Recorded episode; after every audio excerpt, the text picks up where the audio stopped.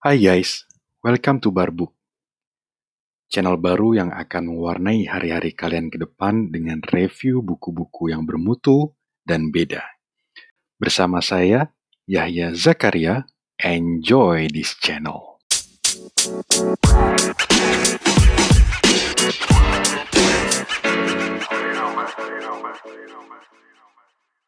Pada episode pertama ini, saya akan membahas buku yang berhasil mencuri perhatian saya sejak pertama kita berjumpa. Jadi ceritanya waktu saya ke toko buku, secara tidak sengaja saya melihat buku tersebut terpajang di salah satu raknya dengan judul yang berhasil memprovokasi saya, Man Search for Meaning.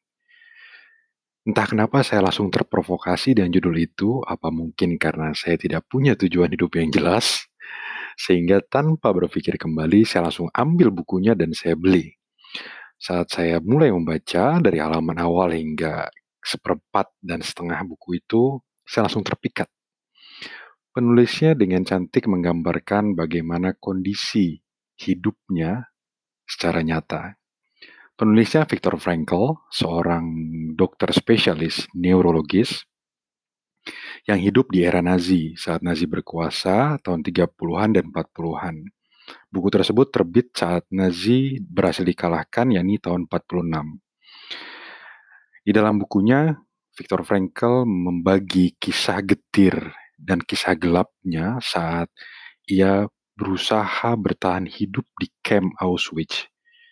Sebuah camp yang memang dikhususkan oleh Nazi untuk membunuh Yahudi-Yahudi di Eropa saat itu. Secara detail, digambarkan bagaimana kehidupan atau horor kehidupan di camp Auschwitz dan berhasil membawa imajinasi kita terbang ke Auschwitz. Ada beberapa bagian seperti um, bagaimana saat Viktor Frankl subuh atau dini hari dipaksa bangun dengan kondisi yang begitu sedang lapar, haus, harus berdiri di atas salju dengan sepatu yang bolong, dengan setelan uh, tidur yang ala kadarnya tanpa penghangat seperti jaket. Kemudian orang-orang Nazi berteriak dan memaksa mereka untuk berjalan kaki berkilo-kilometer ke tempat mereka kerja paksa tanpa ada makan dan minum. Kemudian digambarkan juga bagaimana kondisi mereka tidur, mereka tidur di alas um, jerami, mereka buang air di sana, tempat tidur di sana, bisa dibayangkan bagaimana mengerikannya kondisi kehidupan di camp Auschwitz. Viktor Frankl menggambarkan bahwa ini adalah titik terendah dalam hidupnya. Penderitaan demi penderitaan yang ia hadapi setiap hari semakin mengeraskan dirinya. Viktor Frankl menggambarkan mungkin jika saya ibaratkan dengan kulit, itu sudah kapalan di dalam hati dan fisiknya. Jadi saat dia melihat mayat-mayat bergelimpangan, membusuk, kemudian ada um, sudah membusuk dan ada binatang-binatang yang mendekatinya, ia sudah tidak merasakan apa pun. Bahkan ketika rekan-rekannya dipukul oleh popor senjata, dihina, dan direndahkan, hanya diam pilihannya. Dan bahkan ia melihat rekan-rekannya sudah tidak merasakan apa-apa lagi. Ini menjadi gambaran jelas kenapa Viktor Frankl menyebut bahwa saat momen-momen di Auschwitz adalah momen-momen terendah dalam hidupnya. Kemudian penderitaan itu berakhir saat um, sekutu mengalahkan Nazi dan dibebaskanlah camp Auschwitz itu yang berhasil bertahan hidup. Nah, saat itu Frankel berpikir dan merefleksikan dirinya. Pertanyaannya, mengapa saya bisa bertahan hidup di tengah kondisi yang begitu menyakitkan, di tengah lindasan yang begitu hebat? Apa yang membuat ia bisa bertahan sejauh ini? Nah, pertanyaan-pertanyaan itulah yang akhirnya dijawab melalui buku ini.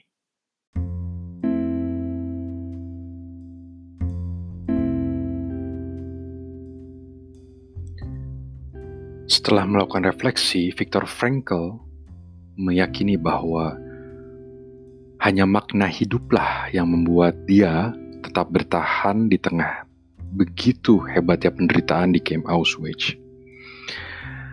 Makna hidup ini ia sebut bisa menghasilkan optimisme di tengah tragedi. Nah, makna hidup ini terdiri dari dua hal kalau menurut Frankel. Yang pertama, bagaimana seseorang bisa memaknai cinta. Cinta ini bisa berwujud apa saja terhadap sesuatu, terhadap kebiasaan, terhadap seseorang, dan sebagainya. Frankel merefleksikan saat ia di Camp Auschwitz, ia memiliki dua hal yang ingin ia lakukan dan ingin ia buktikan. Yang pertama, ia ingin menulis. Kenapa ingin menulis? Karena naskah-naskah yang pernah ia tulis itu disita oleh Nazi saat ia ditangkap untuk dimasukkan ke Camp Auschwitz. Naskah-naskah itu rencananya akan diterbitkan menjadi buku. Nah, yang kedua adalah keluarga. Jadi ia ingin melihat melihat keluarganya setelah uh, ia bebas. Nah, dua hal itulah yang menjadi yang ia tidak sadari atau di bawah sadarnya menjadi motivasi yang begitu besar hingga ia mampu memaknai hidupnya di tengah penderitaan. Kemudian yang kedua adalah memaknai penderitaan itu sendiri. Menurut Frankel, manusia itu dibekali kemampuan untuk memilih, bahkan di tengah kondisi yang paling buruk sekalipun. Jadi lingkungan itu tidak mempengaruhi 100% individu. Tapi individu juga punya otonomi untuk memilih sikapnya.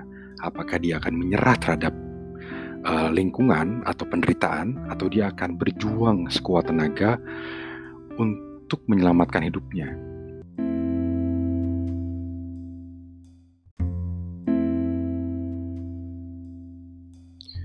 Sedahsyat apa pun penderitaan manusia, ia tetap menjadi bagian dari hidup, sehingga ia harus bermakna bagi manusia. Viktor Frankl menulis itu di dalam bukunya. Meskipun penderitaan itu merupakan nasib, tapi hidup tidak akan sempurna tanpa penderitaan dan kematian. Jadi itu adalah bagian integral yang tidak bisa dipisahkan maka maknailah penderitaan itu oleh diri kita sendiri. Kemudian saya akan mengutip kalimat menarik dari Frankel mengenai bagaimana manusia bisa memilih di tengah penderitaan seburuk apa pun. Frankel menulis, apa pun bisa dirampas dari manusia kecuali satu, kebebasan terakhir seorang manusia, kebebasan untuk menentukan sikap dalam setiap keadaan, kebebasan untuk memilih jalannya sendiri. Jadi keyakinan ini kenapa Frankel bisa bertahan karena ia memilih kebebasan itu dengan cara dia tetap bertahan hidup. Karena ia meyakini bahwa maknailah penderitaan yang super dahsyat ini agar kamu punya makna hidupnya dan bisa bertahan hidup. Jadi seluruh pengalaman inilah yang menjadi mekanisme dari Viktor Frankl bisa bertahan di tengah penderitaan Camp Auschwitz. Nah, yang penting lagi bahwa setiap penderitaan itu menurut Frankl itu unik. Jadi kita tidak bisa membandingkan penderitaan kita dengan orang lain, begitupun sebaliknya. Dan kita tidak bisa menghakimi cara mereka berjuang atas penderitaannya. Karena setiap orang unik dan punya permasalahannya masing-masing dan cara menghadapinya masing-masing. Nah, terakhir, jika teman jika kalian akrab dengan filsafat eksistensialisme, ini semakin menerangkan bahwa kenapa eksistensialisme menyebut bahwa setiap manusia itu punya tanggung jawab atas hidupnya. Di tengah tragedi bagaimanapun, di tengah penderitaan sebagaimanapun, ia tetap punya peran dalam hidup, ia tetap punya makna dalam hidupnya, dan ia punya peran bagi manusia lainnya. Jadi ibarat puzzle, ia menjadi satu puzzle yang punya peran untuk menyambungkan antar puzzle. Nah ini penting untuk kita ingat-ingat terutama kalau kita dikala sedang sial atau sedang menghadapi penderitaan. Kita sering bertanya kenapa sih penderitaan ini kok jatuh ke kita. Nah ingatlah makna-makna yang ditulis oleh Frankel atau saat kita lagi di parkiran gitu duduk lagi ngemil eh ada burung uh, buang air ke kepala kita. Nah, ingatlah kesialan itu bahwa itu menjadi bagian dari hidup kita. Baik, itu episode pertama yang bisa uh, saya berikan ke kalian. Ditunggu episode-episode berikutnya. Jika kalian tidak kapok dan tidak bosan mendengar suara saya, terima kasih. Bye.